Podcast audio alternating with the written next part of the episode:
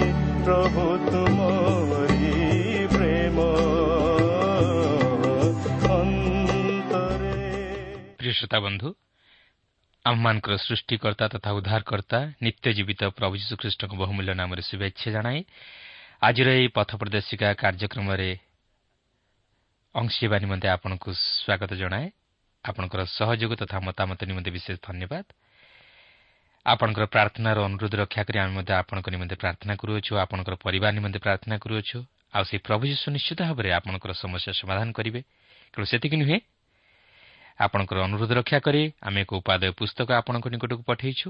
ତାହା ବୋଧହୁଏ ଆପଣଙ୍କର ହସ୍ତଗତ ହୋଇସାରିଥିବ। ତେଣୁ ତାହା ଅଧ୍ୟୟନ କରନ୍ତୁ। ଆଉ ତହିଁରୁ କି ଶିକ୍ଷା ଗ୍ରହଣ କଲେ ତୁରନ୍ତ ପତ୍ର ମାଧ୍ୟମରେ ଆମ ନିକଟକୁ ଲେଖି ଜଣାନ୍ତୁ। ଆସନ୍ତୁ ପ୍ରଭୁଙ୍କର ବାକ୍ୟ ମଧ୍ୟକୁ ଯିବା ପୂର୍ବରୁ ସଂକ୍ଷେପରେ ପ୍ରାର୍ଥନା କରିବା। ପବିତ୍ର ପ୍ରଭୁ ତୁମର ପବିତ୍ର ନାମର ଧନ୍ୟବାଦ କରୁଅଛି ସୁନ୍ଦର ସମୟ ପାଇଁ ତୁମର ଜୀବନ୍ତ ବାକ୍ୟ ପାଇଁ ତୁମର ଅନୁଗ୍ରହ ପାଇଁ ତୁମର ସୁରକ୍ଷା ପାଇଁ। ହଁ ପ୍ରଭୁ ତୁମେ ଆମମାନଙ୍କୁ ଜଗତର ସମସ୍ତ ବ୍ୟସ୍ତତା ମଧ୍ୟରୁ କଢ଼ାଇ ଆଣିଅଛ କିଛି ସମୟ ଧରି ତୁମର ବାକ୍ୟ ଅଧ୍ୟୟନ କରି ତୁମ ନିକଟବର୍ତ୍ତୀ ହେବା ପାଇଁ। ଆଜିର ଏହି ବାକ୍ୟ ମଧ୍ୟ ଦେଇ ପ୍ରଭୁ ତୁମେ ଆମ ପ୍ରତ୍ୟେକ ସହିତ କଥା କୁହ। ପ୍ରତ୍ୟେକ ଶ୍ରୋତାବନ୍ଧୁମାନଙ୍କୁ ତୁମେ ଆଶୀର୍ବାଦ କର। ପ୍ରତ୍ୟେକଙ୍କର ମନୋବାଞ୍ଛା ତୁମେ ପୂର୍ଣ୍ଣ କରି ପ୍ରତ୍ୟେକଙ୍କ ଜୀବନ ଦ୍ୱାରା ତୁମେ ଗୌରବାନ୍ୱିତ ହୁଅ। ଆଜି ମଧ୍ୟ ଯେଉଁମାନେ ଆଜିର ଏହି କାର୍ଯ୍ୟକ୍ରମ ଶୁଣିବା ନିମନ୍ତେ ରେଡିଓ ପାଖରେ ଅପେକ୍ଷା କରି ବସିଅଛନ୍ତି ପ୍ରଭୁ ତୁମେ ପ୍ରତ୍ୟେକଙ୍କୁ ଜଣ ଜଣ କରି ଆଶୀର୍ବାଦ କର। ପ୍ରତ୍ୟେକଙ୍କର ଅଭାବ ବିମୋଚନ କର। ପ୍ରତ୍ୟେକଙ୍କର ପ୍ରାର୍ଥନା ଶୁଣି ତୁମେ ଉତ୍ତର ଦିଅ। ଯୀଶୁଙ୍କ ନାମରେ ମାଗୁଅଛୁ।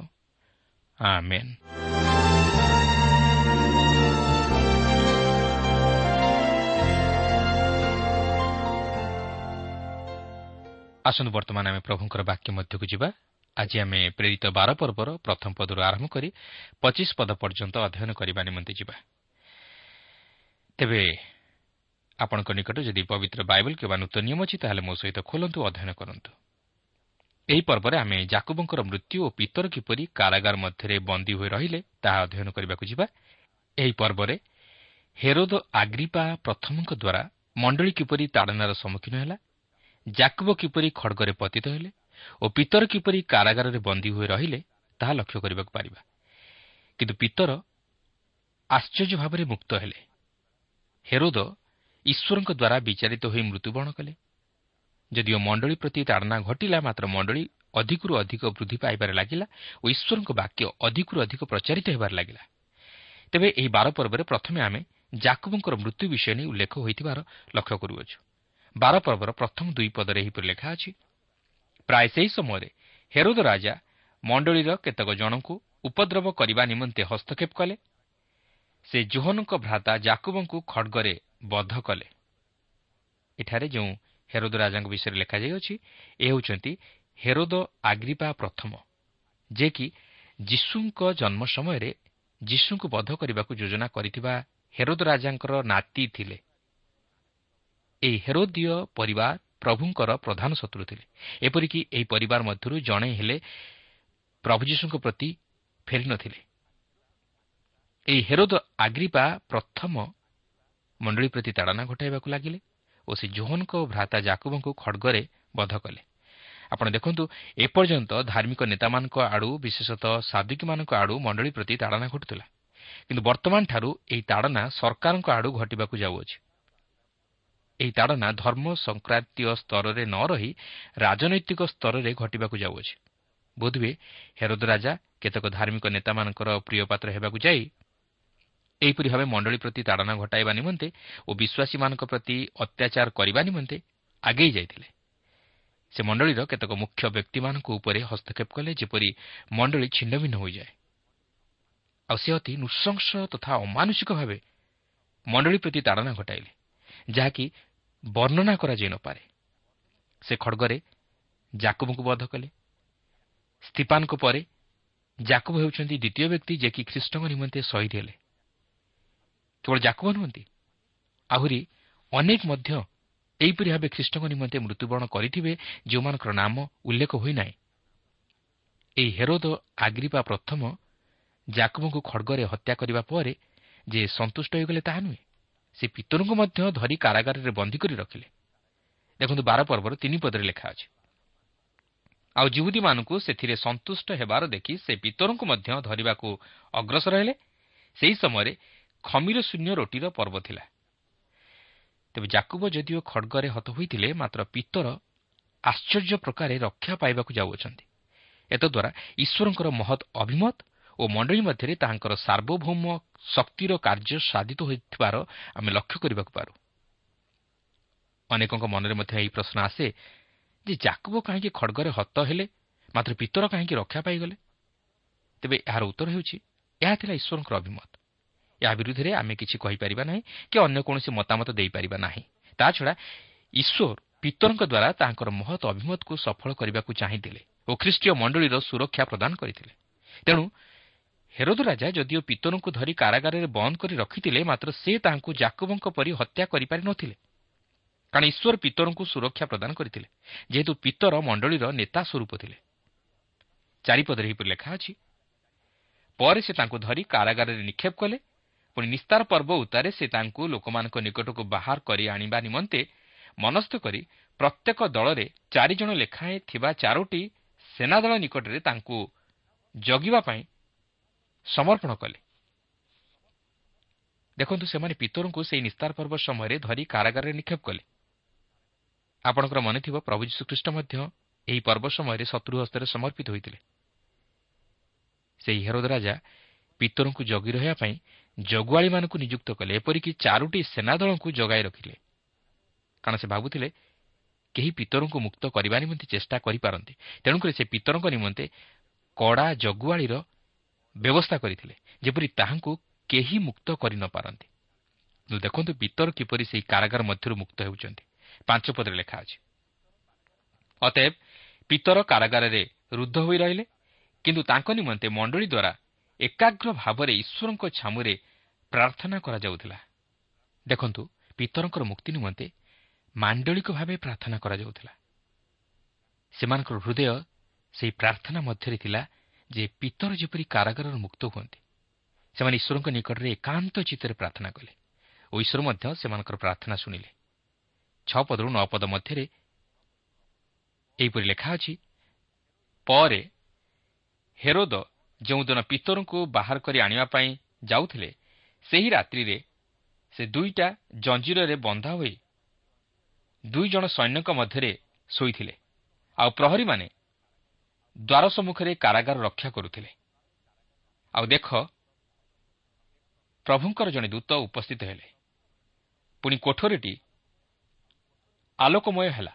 ଆଉ ସେ ପିତରଙ୍କ କକ୍ଷ ଦେଶରେ ଆଘାତ କରି ତାଙ୍କୁ ଜଗାଇ କହିଲେ ଶୀଘ୍ର ଉଠ। ସେଥିରେ ତାଙ୍କ ହାତରୁ ଜଞ୍ଜିର ଖସି ପଡ଼ିଲା। ପୁଣି ଦୂତ ତାଙ୍କୁ କହିଲେ କଟିବନ୍ଧନ କର ଓ ପାଦୁକା ପିନ୍ଧ। ସେ ସେପରି କଲେ। ଆଉ ସେ ତାଙ୍କୁ କହିଲେ ଦେହରେ ଚାଦର ପକାଇ ମୋହର ପଛେ ପଛେ ଆସ। ସେ ବାହାରି ତାହାଙ୍କ ପଛେ ପଛେ ଗଲେ କିନ୍ତୁ ଦୂତଙ୍କ ଦ୍ୱାରା ଯାହା କରାଗଲା ତାହା ଯେ ପ୍ରକୃତ ସେ ତାହା ନ ବୁଝି ଦର୍ଶନ ଦେଖାଉଛନ୍ତି ବୋଲି ମନେ କରୁଥିଲେ। ଦେଖନ୍ତୁ ପିତର ନିର୍ଭୟରେ ଦୁଇ ଜଣ ସୈନ୍ୟଙ୍କ ମଧ୍ୟରେ ଶୋଇଥିଲେ।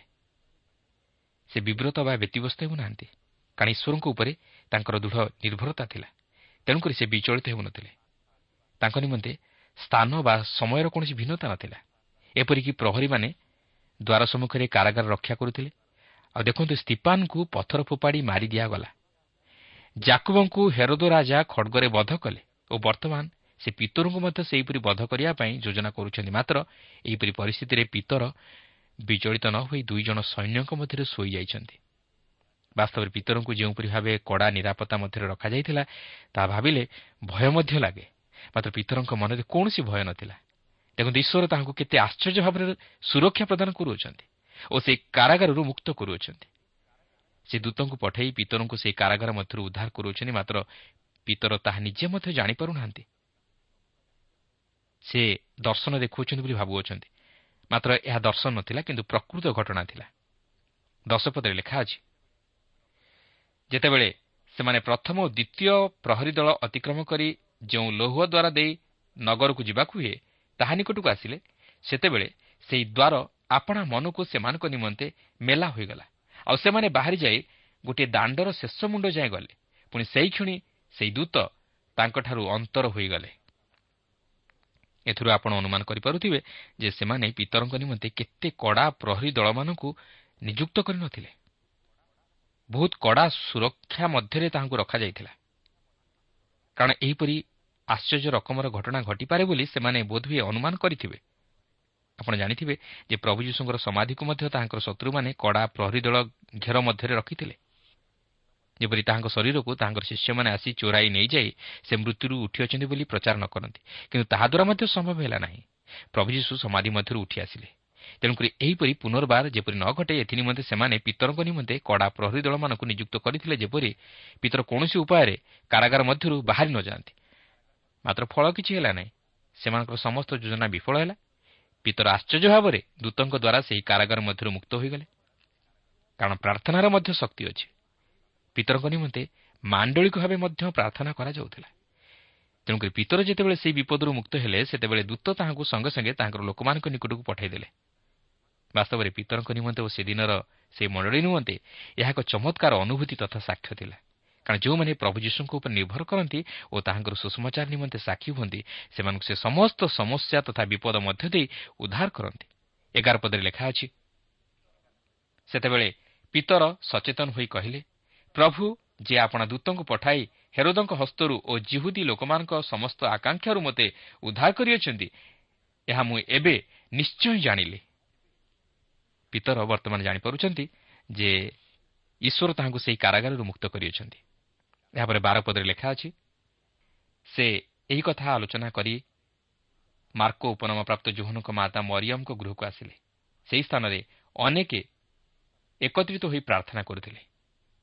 ଦେଖନ୍ତୁ ଏହି ସମୟରେ ଏବଂ ଏହାର ପରବର୍ତ୍ତୀ ଶହେ ପଚାଶ ବର୍ଷ ମଧ୍ୟରେ ମଣ୍ଡଳୀର ନିମନ୍ତେ ଏପରି କୌଣସି ସ୍ୱତନ୍ତ୍ର ଗୀର୍ଜାଗୃହ ବା ପକ୍କାଘର ନଥିଲା ମାତ୍ର ସେମାନେ ଏକତ୍ରିତ ହୋଇ ଗୃହମାନଙ୍କରେ ସମବେତ ହେଉଥିଲେ। ଆଜି ଆମେ ମଣ୍ଡଳୀ କହିଲେ ଏକ ସ୍ୱତନ୍ତ୍ର ଗିର୍ଜାଘର କିମ୍ବା ଉପାସନାର ଆଳୟକୁ ବୁଝୁ କିନ୍ତୁ ସେ ସମୟରେ ସେପରି ନଥିଲା। ସେମାନେ ଗୃହଗୁଡ଼ିକରେ ସମବେତ ହେଉଥିଲେ ଓ ତାହା ହିଁ ଥିଲା ମଣ୍ଡଳୀ। ମଣ୍ଡଳୀ ହେଉଛି ବିଶ୍ୱାସୀମାନଙ୍କୁ ନେଇ ଗଠିତ ହୋଇଥିବା ଏକ ଶରୀର। ବର୍ତ୍ତମାନ ଏଠାରେ ଲକ୍ଷ୍ୟ କରିବେ ଯେ ମଣ୍ଡଳୀ ମାର୍କୋ ଉପନାମପ୍ରାପ୍ତ ଜୁହନଙ୍କ ମାତା ମରିୟମଙ୍କ ଗୃହରେ ସମବେତ ହୋଇଛନ୍ତି। କାରଣ ତାହାଙ୍କ ଗୃହ ମଧ୍ୟ ପ୍ରଶସ୍ତ ଥିଲା। ଆଉ ସେମାନେ ସେଠାରେ ସମବେତ ହୋଇ ପିତରଙ୍କର କାରାଗାରରୁ ମୁକ୍ତି ପାଇବା ନିମନ୍ତେ ପ୍ରାର୍ଥନା କରୁଥିଲେ। କିନ୍ତୁ ପିତର ଯେ କାରାଗାରରୁ ମୁକ୍ତି ପାଇଗଲେଣି ତାହା ସେମାନେ ଜାଣିନାହାନ୍ତି। ତେଣୁ ଏଠାରେ ଆପଣ ଏକ କୌତୁଳର ବିଷୟ ଲକ୍ଷ୍ୟ କରିବେ ଯେ ପିତର ଯେତେବେଳେ ଆସି ସେହି ଗୃହ ନିକଟରେ ପହଞ୍ଚି ସେହି ଗୃହର ଦ୍ୱାରରେ ଆଘାତ କରିଛନ୍ତି ସେତେବେଳେ ସେମାନେ ଆଶ୍ଚର୍ଯ୍ୟ ହୋଇଯାଇଛନ୍ତି ଓ ସେମାନେ ବିଶ୍ୱାସ କରିପାରୁନାହାନ୍ତି ଯେ ପିତର ଫେରି ଆସିଛନ୍ତି ବୋଲି। ତେର ଚଉଦ ପଦରେ ଲେଖା ଅଛି ସେ ବାହାର ଦ୍ୱାରରେ ମାରନ୍ତେ ରୁଦା ନାମରେ ଜଣେ ଦାସୀ କିଏ ବୋଲି ପଚାରିବାକୁ ଗଲା। ସେ ପିତରଙ୍କର ସ୍ୱର ବାରି ଆନନ୍ଦ ସକାଶେ ଦ୍ୱାର ନ ଫିଟାଇ ଭିତରକୁ ଦୌଡ଼ିଯାଇ ଦ୍ୱାର ପାଖରେ ପିତର ଠିଆ ହୋଇଛନ୍ତି ବୋଲି କହିଲା ମୁଁ ଭାବୁଛି ଆପଣ ଓ ମୁଁ ଆମେ ଯଦି ସେହିପରି ପରିସ୍ଥିତିର ସମ୍ମୁଖୀନ ହୋଇଥାନ୍ତୁ ତାହେଲେ ଆମେ ମଧ୍ୟ ସେହି ରୋଦା ପରି କରିଥାନ୍ତୁ। ଆପଣ ଜାଣିଥିବେ ଯେ ସେହି ସମୟରେ ମଣ୍ଡଳୀ ପ୍ରତି ତାଡ଼ନା କରୁଥିଲା। ତେଣୁ କିଏ ଦ୍ୱାର ଆଘାତ କରୁଅଛି ତାହା ଜାଣିବା ଅତି ଜରୁରୀ ଥିଲା ଓ ଅତି ସତର୍କତାର ସହିତ ମଧ୍ୟ ତାହା କରିବାକୁ ଥିଲା। ତେଣୁ ରୋଦା ନାମରେ ଯେଉଁ ଦାସୀ ଥିଲା ସେ ଦ୍ୱାର ନ ଖୋଲି ପ୍ରଥମେ ଦ୍ୱାର ପାଖକୁ ଆସି ଶୁଣିଲା ପରେ ସେ ଯେ ପିତର ତାହା ସେ ଜାଣିପାରିଲା। ତେଣୁ ସେ ଏତେ ଦୂର ଖୁସି ହୋଇଯାଇଥିଲା ଯେ ଦ୍ୱାର ଖୋଲିବାକୁ ମଧ୍ୟ ଭୁଲି ଯାଇଥିଲା ଓ ସେ ସେହି ଗୃହରେ ପ୍ରାର୍ଥନା କରୁଥିବା ବିଶ୍ୱାସୀ ମଣ୍ଡଳୀ ନିକଟକୁ ଯାଇ ସେମାନଙ୍କୁ ପିତରଙ୍କ ବିଷୟ ନେଇ ଜଣାଇଲା। ଦେଖନ୍ତୁ ଏହି ସମ୍ବାଦ ପାଇବା ପରେ ସେହି ବିଶ୍ୱାସୀ ମଣ୍ଡଳୀର ପ୍ରତିକ୍ରିୟା। ପନ୍ଦର ପଦରେ ଲେଖା ଅଛି ସେମାନେ ତାକୁ କହିଲେ ତୁ ବାୟାଣୀ। କିନ୍ତୁ ସେ ତାହା ସତ ବୋଲି ଦୃଢ଼ ରୂପେ କହିବାକୁ ଲାଗିଲା। ସେମାନେ କହିଲେ ଏ ତାଙ୍କର ଦୂତ। ଯେତେବେଳେ ସେହି ଦାସୀ କହୁଛି ଯେ ପିତର ଦ୍ୱାର ପାଖରେ ବାହାରେ ଛିଡ଼ା ହୋଇଅଛନ୍ତି ସେତେବେଳେ ସେମାନେ ତାହା ବିଶ୍ୱାସ କରିପାରୁନାହାନ୍ତି। ସେମାନେ କହୁଛନ୍ତି ତୁ ବାୟାଣୀ। ମାତ୍ର ସେ କହୁଛି ମୁଁ ବାୟାଣୀ ନୁହେଁ ମାତ୍ର ସତ କଥା କହୁଛି। ପିତର ବାହାରେ ଛିଡ଼ା ହୋଇଛନ୍ତି। ଆଚ୍ଛା ତୁ କ'ଣ ତାହାଙ୍କୁ ଦେଖିଛୁ? ନାଇଁ ମୁଁ ଦ୍ୱାର ଖୋଲି ନାହିଁ କି ତାହାଙ୍କୁ ଦେଖିନାହିଁ ମାତ୍ର ତାହାଙ୍କର ସ୍ୱର ଶୁଣିଛି ଓ ତାହାଙ୍କର ସ୍ୱର ମଧ୍ୟ ମୁଁ ଜାଣେ। ସେମାନେ କହୁଛନ୍ତି ହେ ଏହା ପିତରଙ୍କ ଆତ୍ମା ହୋଇପାରେ। ଏଠାରେ ମୁଁ ଦୂତ ପରିବର୍ତ୍ତେ ଆତ୍ମା କହିବାର କାରଣ ହେଉଛି ଯେ ଏହି ଦୂତର ସ୍ଥାନରେ ଏହାର ମୂଳ ଶବ୍ଦ ଗ୍ରୀକ୍ରେ ନ୍ୟୁମା ବୋଲି ଉଲ୍ଲେଖ ହୋଇଅଛି ଯାହାର ପ୍ରକୃତ ଅର୍ଥ ହେଉଛି ଆତ୍ମା। ତେଣୁ ସେମାନେ ପ୍ରକୃତରେ ଦୂତ ବୋଲି କହୁନାହାନ୍ତି ମାତ୍ର ସେମାନେ ଭାବୁଛନ୍ତି ଯେ ଏହା ପିତରଙ୍କର ଆତ୍ମା ହୋଇଥାଇପାରେ। ଅନ୍ୟ ଅର୍ଥରେ କହିବାକୁ ଗଲେ ସେମାନେ ଭାବୁଛନ୍ତି ଯେ ପିତର ମରିଯାଇଛନ୍ତି କାରଣ ହେରୋଦ ବୋଧହୁଏ ତାହାଙ୍କୁ ହତ୍ୟା କରିଛି। କିନ୍ତୁ ଏକ କୌତୁହଳର ବିଷୟ ହେଉଛି ଯେ ମଣ୍ଡଳୀ ପିତରଙ୍କର ମୁକ୍ତି ନିମନ୍ତେ ପ୍ରାର୍ଥନା କରୁଛନ୍ତି ମାତ୍ର ପିତର ମୁକ୍ତି ପାଇଛନ୍ତି। କିନ୍ତୁ ମଣ୍ଡଳୀ ତାହା ବିଶ୍ୱାସ କରିପାରୁନାହାନ୍ତି। ଆଉ ସେମାନେ ଭାବୁଛନ୍ତି ଯେ ପିତର ହତ ହୋଇଛନ୍ତି ଓ ତାଙ୍କର ଆତ୍ମା ଦେଖା ଦେଉଅଛି। ସେମାନେ ଯଦିଓ ପ୍ରାର୍ଥନା କରୁଛନ୍ତି ମାତ୍ର ବିଶ୍ୱାସ କରିପାରୁନାହାନ୍ତି ଓ ସେମାନେ ଆଶ୍ଚର୍ଯ୍ୟ ହୋଇଯାଉଛନ୍ତି। ସେହିପରି କ'ଣ ଆମମାନଙ୍କ ଜୀବନ ଘଟୁନାହିଁ କି? ଆମେ ପ୍ରାର୍ଥନା କରୁ ସତ କିନ୍ତୁ ଆମର ବିଶ୍ୱାସ ପାଏ ନା ଓ ଆମେ ଆମର ପ୍ରାର୍ଥନାର ଉତ୍ତର ପାଇବା ପରେ ଅତି ଚମତ୍କୃତ ହୋଇଯାଉ ଓ ଆମକୁ ଆଶ୍ଚର୍ଯ୍ୟ ଲାଗେ।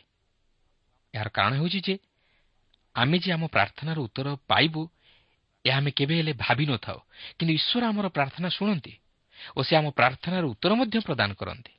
କିନ୍ତୁ ଲକ୍ଷ୍ୟ କରନ୍ତୁ ପିତର ସେହିପରି ଦ୍ୱାରରେ ଆଘାତ କରିଚାଲିଛନ୍ତି କିନ୍ତୁ ଦ୍ୱାର ଖୋଲିବାକୁ କେହି ସାହସ କରୁନାହାନ୍ତି। କାରଣ ସେମାନଙ୍କର ପ୍ରାର୍ଥନାର ଉତ୍ତର ଯେ ସେମାନେ ପାଇଅଛନ୍ତି ଏହା ସେମାନେ ବିଶ୍ୱାସ କରିପାରୁନାହାନ୍ତି। ସେମାନେ ଗୃହ ମଧ୍ୟରେ ରହି ସେ ପିତର ହେବେ କି ପିତରଙ୍କର ଆତ୍ମା ହେବେ? ଏହି ବିଷୟ ନେଇ ଯୁକ୍ତିତର୍କ କରୁଛନ୍ତି। କିନ୍ତୁ ବିଚାରା ପିତର ଏପଟେ ଦ୍ୱାରକୁ ଆଘାତ କରି କରି ଥକିଗଲେଣି। ଷୋହଳ ସତର ପଦରେ ଲେଖା ଅଛି କିନ୍ତୁ ପିତର ଦ୍ୱାରରେ ବାରମ୍ବାର ମାରୁଥିଲେ ଆଉ ସେମାନେ ଫିଟାଇ ତାଙ୍କୁ ଦେଖି ଆଚମ୍ବିତ ହେଲେ। କିନ୍ତୁ ସେ ସେମାନଙ୍କୁ ତୁନି ହୋଇ ରହିବା ପାଇଁ ହାତରେ ଠାରି ପ୍ରଭୁ କିପରି ତାଙ୍କୁ କାରାଗାରରୁ ବାହାର କରି ଆଣିଅଛନ୍ତି ତାହା ସେମାନଙ୍କ ନିକଟରେ ବର୍ଣ୍ଣନା କଲେ। ପୁଣି ସେ କହିଲେ ଏହି ସମସ୍ତ କଥା ଜାକୁବ ଓ ଭାଇମାନଙ୍କୁ ଜଣାଅ। ଆଉ ସେ ପ୍ରସ୍ଥାନ କରି ଅନ୍ୟ ସ୍ଥାନକୁ ଚାଲିଗଲେ। ସେମାନେ ପିତରଙ୍କୁ ଦେଖି ମଧ୍ୟ ବିଶ୍ୱାସ କରିପାରୁନାହାନ୍ତି। ସେମାନଙ୍କ ପ୍ରାର୍ଥନାର ଉତ୍ତର ଯେ ମିଳିଅଛି ଏହା ସେମାନେ ବିଶ୍ୱାସ କରିପାରୁନାହାନ୍ତି। କିନ୍ତୁ ପିତର ସମସ୍ତ ବିଷୟ ସେମାନଙ୍କୁ ଜଣାଇ ଦେଉଛନ୍ତି। ପ୍ରଭୁ କିପରି ତାହାଙ୍କୁ କାରାଗାରରୁ ବାହାର କରି ଆଣିଅଛନ୍ତି ତାହା ସେ ସେମାନଙ୍କୁ ଜଣାଇ ଦେଉଛନ୍ତି ଓ ଅନ୍ୟ ଭାଇମାନଙ୍କୁ ମଧ୍ୟ ଏହି ବିଷୟ ଜଣାଇ ଦେବା ପାଇଁ କହୁଅଛନ୍ତି। କିନ୍ତୁ ସେ ସେଠାରେ ରହୁନାହାନ୍ତି। ଯଦିଓ ପ୍ରଭୁ ତାହାଙ୍କୁ କାରାଗାର ମଧ୍ୟରୁ ମୁକ୍ତ କଲେ ସେ ମଧ୍ୟ ସେଠାରେ ତାହାଙ୍କୁ ସୁରକ୍ଷା ପ୍ରଦାନ କରିଥାନ୍ତେ। ମାତ୍ର ପ୍ରଭୁ ମଧ୍ୟ ଚାହାନ୍ତି ଆମେ ବିଭିନ୍ନ ପ୍ରକାର ପରିସ୍ଥିତି ଓ ସମସ୍ୟାକୁ ଦୃଷ୍ଟି ଆଗରେ ରଖି ବୁଦ୍ଧିର ସହିତ କାର୍ଯ୍ୟ କରୁ। ତାହେଲେ ଆମେ ଅନେକ ସମସ୍ୟା ତଥା ବିପଦରୁ ନିଜକୁ ଦୂରେଇ ରଖିପାରିବା। ତେଣୁ ପିତର ସେହି ସମସ୍ତ ବିଷୟକୁ ଦୃଷ୍ଟି ଆଗରେ ରଖି ସେହି ସ୍ଥାନରୁ ବାହାରିଯିବା ପାଇଁ ମନରେ ସ୍ଥିର କଲେ। କିନ୍ତୁ ବର୍ତ୍ତମାନ ଲକ୍ଷ୍ୟ କରନ୍ତୁ ପିତରଙ୍କୁ କାରାଗାର ମଧ୍ୟରେ ନ ପାଇବାରୁ ପ୍ରହରୀମାନଙ୍କର ଓ ହେରୋଦଙ୍କ ମନର ପ୍ରତିକ୍ରିୟା ଯାହାକି ଅଠର ଉଣେଇଶ ପଦରେ ଲେଖା ଅଛି। ସକାଳ ହେବା ପରେ ପିତର କୁଆଡ଼େ ଗଲେ ବୋଲି ସୈନ୍ୟମାନଙ୍କ ମଧ୍ୟରେ ବଡ଼ ଚହଳ ପଡ଼ିଗଲା। ଆଉ ହେରୋଦ ତାଙ୍କୁ ଖୋଜି ନ ପାଇବାରୁ ପ୍ରହରୀମାନଙ୍କୁ ପ୍ରଶ୍ନ କଲା ଉତ୍ତାରେ ସେମାନଙ୍କୁ ବଧ କରିବା ପାଇଁ ଆଜ୍ଞା ଦେଲେ। ପରେ ସେ ଜିହୁଦା ପ୍ରଦେଶରୁ କାଇସରିଆକୁ ଯାଇ ସେଠାରେ ରହିଲେ। ମୁଁ ଭାବୁଛି ସେମାନେ ପିତରଙ୍କୁ ପୁନର୍ବାର ଧରିବା ପାଇଁ ଯଥାସାଧ୍ୟ ଚେଷ୍ଟା କରିଥିବେ। ସେମାନେ ପ୍ରତ୍ୟେକ ଗୃହ ଓ ସ୍ଥାନମାନଙ୍କୁ ସୈନ୍ୟମାନଙ୍କୁ ପଠାଇ ପିତରଙ୍କର ଖୋଜ ନେଇଥିବେ। ମାତ୍ର ସେତେବେଳକୁ ପିତର ବାହାରି ଅନ୍ୟ ସ୍ଥାନକୁ ଚାଲିଯାଇଥିଲେ କିନ୍ତୁ ଏଠାରେ ଆମେ ହେରୋଦଙ୍କର ଶକ୍ତ ଗ୍ରୀବତା ଓ ନୃଶଂସତାର ପରିଚୟ ପାଉ। ସେ କ୍ରୋଧାନ୍ଧ ହୋଇ ସେହି ପ୍ରହରୀ ଓ ସୈନ୍ୟମାନଙ୍କୁ ବଧ କରିବା ଦ୍ୱାରା ଜଗତ ନିକଟରେ ଜଣାଇ ଦେବାକୁ ଚାହିଁଲେ ଯେ ପିତରଙ୍କର କାରାଗାର ମଧ୍ୟରୁ ମୁକ୍ତିଲାଭ ଈଶ୍ୱରଙ୍କର ଅଲୌକିକ ଶକ୍ତିର କାର୍ଯ୍ୟ ନୁହେଁ। କିନ୍ତୁ ହେରୋଦ ନିଜେ ନିଜ ପାଇଁ ଗାତ ଖୋଳିଲେ। ସେ ଈଶ୍ୱରଙ୍କ ଦ୍ୱାରା ବିଚାରିତ ହେଲେ ଯାହାକି ଆମେ ପରେ ଦେଖିପାରିବା। କିନ୍ତୁ ସେ ଜିହୁଦା ପ୍ରଦେଶ ପରିତ୍ୟାଗ କରି କାଇଶ୍ୱରିଆରେ ଯାଇ ବାସ କଲେ। ଏହା ହିଁ ଥିଲା ହେରୋଦଙ୍କର ପରିଚୟ। ପ୍ରିୟ ବନ୍ଧୁ ଆଜି ଆମେ କେଉଁ ପ୍ରକାର ଅନୁଭୂତି ମଧ୍ୟ ଦେଇ ଗତି କରୁଛୁ? ଈଶ୍ୱରଙ୍କୁ ପରିତ୍ୟାଗ କରି ଏକ ତିକ୍ତ ଅନୁଭୂତି ମଧ୍ୟ ଦେଇ ଗତି କରୁଛୁ? ନା ପ୍ରଭୁ ଯୀଶୁଙ୍କୁ ହୃଦୟ ମଧ୍ୟରେ ଗ୍ରହଣ କରି ପାପରୁ ଉଦ୍ଧାର ପାଇ ଏକ ଶାନ୍ତି ଓ ତୃପ୍ତିକର ଅନୁଭୂତି ମଧ୍ୟ ଦେଇ ଗତି କରୁଛୁ। ବର୍ତ୍ତମାନ ଆମେ ଦେଖିବାକୁ ଯିବା ଯେ ଈଶ୍ୱର ହେରୋଦଙ୍କ ପ୍ରତି ତାହାଙ୍କର କ୍ରୋଧରୂପକ ବିଚାର ବର୍ତ୍ତାଇବାକୁ ଯାଉଅଛନ୍ତି। କାରଣ ହେରୋଦ ଆପଣାର କାର୍ଯ୍ୟକଳାପ ନିମନ୍ତେ ଈଶ୍ୱରଙ୍କ ଦ୍ୱାରା ବିଚାରିତ ହେଲେ। ବାର ପର୍ବର କୋଡ଼ିଏ ପଦରେ ଲେଖା ଅଛି ସେତେବେଳେ ହେରୋଦ ସ୍ୱର ଓ ସିଦୋନ ଲୋକଙ୍କ ଉପରେ ଭୟଙ୍କର ଅସନ୍ତୁଷ୍ଟ ଥିଲେ। ଆଉ ସେମାନେ ଏକମତ ହୋଇ ତାଙ୍କ ନିକଟକୁ ଆସିଲେ ଓ ରାଜାଙ୍କ ଶୟନାଗାରର ଅଧ୍ୟକ୍ଷ ବ୍ଲାସ୍ତଙ୍କୁ ଆପଣାମାନଙ୍କ ସପକ୍ଷ କରି ସନ୍ଧି ପ୍ରାର୍ଥନା କରିବାକୁ ଲାଗିଲେ କାରଣ ରାଜାଙ୍କ ଦେଶରୁ ସେମାନଙ୍କ ଦେଶକୁ ଖାଦ୍ୟ ସାମଗ୍ରୀ ଯାଉଥିଲା। ସ୍ୱର ଓ ସିଦୋନ ହେରୋଦଙ୍କ ସହିତ ବ୍ୟବସାୟ କରୁଥିଲେ। ତେଣୁ ହେରୋଦ ଯେତେବେଳେ ସେମାନଙ୍କ ଉପରେ ଅସନ୍ତୁଷ୍ଟ ହୋଇ ସେମାନଙ୍କ ଦେଶକୁ କିଛି ସାହାଯ୍ୟ ପଠାଇଲେ ନାହିଁ ସେତେବେଳେ ସ୍ୱର ଓ ସିଦୋନର ଆର୍ଥିକ ଅବସ୍ଥା ବାଧାପ୍ରାପ୍ତ ହେଲା। ତେଣୁ ସେମାନେ ଆସି ରାଜା ହେରୋଦଙ୍କ ନିକଟରେ ସନ୍ଧି ପ୍ରାର୍ଥନା କଲେ। ଏହାପରେ ଏକୋଇଶ ବାଇଶ ପଦରେ ଲେଖା ଅଛି ଏଣୁ ଗୋଟିଏ ନିରୂପିତ ଦିନରେ ହେରୋଦ ରାଜବସ୍ତ୍ର ପରିଧାନ କରି ସିଂହାସନରେ ବସି ସେମାନଙ୍କ ନିକଟରେ ଗୋଟିଏ ବକ୍ତୃତା ଦେଲେ। ସେଥିରେ ଲୋକମାନେ ପାଟି କରି କହିବାକୁ ଲାଗିଲେ ଏ ତ ଦେବତାଙ୍କ ସ୍ୱର ମନୁଷ୍ୟର ସ୍ୱର ନୁହେଁ। ଏହା ହିଁ ଥିଲା ହେରୋଦଙ୍କ ପତନର କାରଣ। ସେ ଲୋକମାନଙ୍କ ଦ୍ୱାରା ପ୍ରଶଂସିତ ହେବାକୁ ଚାହୁଁଥିଲେ। ତେଣୁ ଲୋକେ ଯେତେବେଳେ ତାହାଙ୍କୁ ଦେବତା ବୋଲି କହି ପ୍ରଶଂସିତ କରିବାକୁ ଲାଗିଲେ ସେତେବେଳେ ସେ ଗର୍ବରେ ଉତ୍ଫୁଲ୍ଲିତ ହୋଇଗଲେ ଓ ଈଶ୍ୱରଙ୍କୁ ଗୌରବ ଦେଇପାରିଲେ ନାହିଁ। ହେରୋଦ ହେଉଛନ୍ତି ଜଣେ ବ୍ୟକ୍ତି ଯେ କି ଭଣ୍ଡ ଖ୍ରୀଷ୍ଟଙ୍କର ପ୍ରତିଛବି। ସେ ନିଜକୁ ଈଶ୍ୱରଙ୍କ ସ୍ଥାନରେ ରଖି ଈଶ୍ୱରଙ୍କୁ ଗୌରବ ଦେଲେ ନାହିଁ ମାତ୍ର ନିଜକୁ ଈଶ୍ୱର ବୋଲି ଦେଖାଇବାକୁ ଚାହିଁଲେ। ତେଇଶ ପଦରେ ଲେଖା ଅଛି ତତ୍କ୍ଷଣାତ୍ ପ୍ରଭୁଙ୍କର ଜଣେ ଦୂତ ତାଙ୍କୁ ଆଘାତ କଲେ କାରଣ ସେ ଈଶ୍ୱରଙ୍କୁ ଗୌରବ ଦେଲେ ନାହିଁ ଆଉ ସେ କୀଟ ଦ୍ୱାରା ଭକ୍ଷିତ ହୋଇ ପ୍ରାଣତ୍ୟାଗ କଲେ। ପ୍ରିୟ ବନ୍ଧୁ ଈଶ୍ୱର ତାହାଙ୍କର ଗୌରବ କାହାକୁ ଦିଅନ୍ତି ନାହିଁ କାରଣ ସେ ସ୍ୱଗୌରବ ରକ୍ଷଣରେ ଉଦ୍ୟୋଗୀ ପରମେଶ୍ୱର। ଯାହାକି ଜିସାୟ ବୟାଳିଶ ପର୍ବର ଆଠ ପଦରେ ଲେଖା ଅଛି ଆମ୍ଭେ ସଦାପ୍ରଭୁ ଏହି ଆମ୍ଭର ନାମ। ପୁଣି ଆମ୍ଭେ ଆପଣା ଗୌରବ ଅନ୍ୟକୁ କିମ୍ବା ଆପଣା ପ୍ରଶଂସା ଖୋଦିତ ପ୍ରତିମାଗଣକୁ ଦେବୁ ନାହିଁ। ହେରୋଦ ପିତରଙ୍କର ସେହି କାରାଗାର ମଧ୍ୟରୁ ଆଶ୍ଚର୍ଯ୍ୟ ପ୍ରକାରର ଉଦ୍ଧାର ବିଷୟ ନେଇ ଈଶ୍ୱରଙ୍କୁ ଗୌରବ ଦେଲେ ନାହିଁ। କିନ୍ତୁ ବର୍ତ୍ତମାନ ସେ ଲୋକମାନଙ୍କ ଦ୍ୱାରା ପ୍ରଶଂସିତ ହେବା ନିମନ୍ତେ ଚାହୁଁଛନ୍ତି କିନ୍ତୁ ଈଶ୍ୱର ତାଙ୍କର ବିଚାର କରିବାକୁ ଯାଉଅଛନ୍ତି। କାରଣ ଈଶ୍ୱର ତାହାଙ୍କର ଗୌରବ କାହାକୁ ଦିଅନ୍ତି ନାହିଁ। ଆଉ ସେ କୀଟ ଦ୍ୱାରା ଭକିତ ହୋଇ ପ୍ରାଣତ୍ୟାଗ କଲେ। ଏତେ ବଡ଼ ମହାନ ରାଜା ମାତ୍ର ଛାର କୀଟ ଦ୍ୱାରା ସେ ଭକିତ ହେଲେ। ଛାର କୀଟ ତାହାଙ୍କର ପ୍ରାଣନାଶ କଲା। ଏହାଠାରୁ ଭଳି ଲଜ୍ଜା ତଥା ନିନ୍ଦାର ବିଷୟ ଆଉ କ'ଣ ଥାଇପାରେ? ଏହା ହିଁ ଥିଲା ତାହାଙ୍କର ଅନ୍ତିମ ପରିଣତି। ସେ ପ୍ରଭୁଙ୍କ ନିମନ୍ତେ କିଛି କରିପାରିଲେ ନାହିଁ କି ପ୍ରଭୁଙ୍କୁ ମଧ୍ୟ ଗ୍ରହଣ କରିପାରିଲେ ନାହିଁ ବରଂ ପ୍ରଭୁଙ୍କ ବିରୁଦ୍ଧରେ ଯାଇ ଖ୍ରୀଷ୍ଟ ବିଶ୍ୱାସୀମାନଙ୍କ ପ୍ରତି ତଥା ମଣ୍ଡଳୀ ପ୍ରତି ତାଡ଼ନା ଘଟାଇଲେ। ଏହାଠାରୁ ଭଳି ଦୁଃଖର ବିଷୟ ଆଉ କ'ଣ ଥାଇପାରେ? ସେଥିପାଇଁ ଗାଲାତୀୟ ଛଅ ପର୍ବର ସାତ ପଦରେ ଲେଖା ଅଛି ଭ୍ରାନ୍ତ ନ ହୁଅ ଈଶ୍ୱର ବିଦ୍ରୁପର ପାତ୍ର ନୁହନ୍ତି। କାରଣ ମନୁଷ୍ୟ ଯାହା ବୁଣେ ତାହା ହିଁ କାଟିବ। ହେରୋଦ ଆପଣା କର୍ମର ସମୁଚିତ ଫଳ ଭୋଗ କଲେ ଓ ସେ ଖ୍ରୀଷ୍ଟଙ୍କୁ ଅସ୍ୱୀକାର କରିବା ହେତୁ ବିନଷ୍ଟ ହେଲେ। ପ୍ରିୟ ବନ୍ଧୁ ଆଜି ଆମମାନଙ୍କର ଜୀବନ କେଉଁପରି ଅବସ୍ଥାରେ ଅଛି? ଆଜି କ'ଣ ଆମେ ପ୍ରଭୁ ଯୀଶୁଖ୍ରୀଷ୍ଟଙ୍କୁ ନିଜର ଉଦ୍ଧାରକର୍ତ୍ତା ପ୍ରଭୁ ବୋଲି ବିଶ୍ୱାସ କରି ତାହାଙ୍କୁ ଆମ ହୃଦୟରେ ସ୍ଥାନ ଦେଇଛୁ?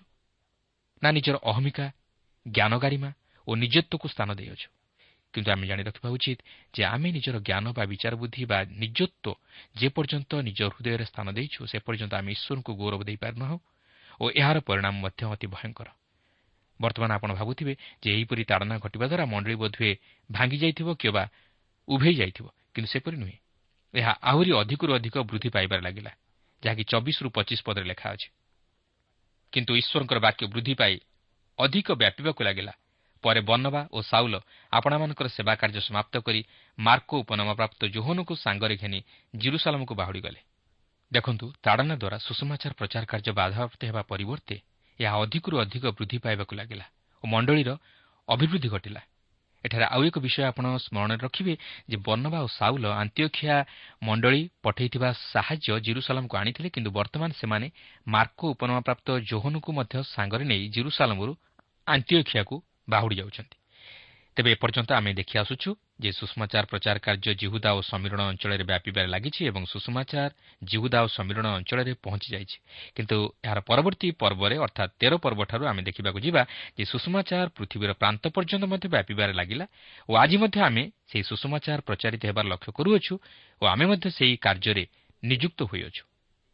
ତେଣୁ ଆସୁ ସେହି ଖ୍ରୀଷ୍ଟଙ୍କଠାରେ ବିଶ୍ୱାସ କରି ତାହାଙ୍କୁ ଉଦ୍ଧାରକର୍ତ୍ତା ରୂପେ ଗ୍ରହଣ କରି ତାହାଙ୍କ ନିମନ୍ତେ ସାକ୍ଷୀ ହେଉ। ତାହେଲେ ସେ ଆମକୁ ସମସ୍ତ ବିପଦରୁ ରକ୍ଷା କରି ତାଙ୍କର ସେ ଅନନ୍ତ ଜୀବନର ପଥରେ କଢ଼ାଇ ନେବେ। ପ୍ରଭୁ ଆମ ପ୍ରତ୍ୟେକଙ୍କୁ ଆଶୀର୍ବାଦ କରନ୍ତୁ।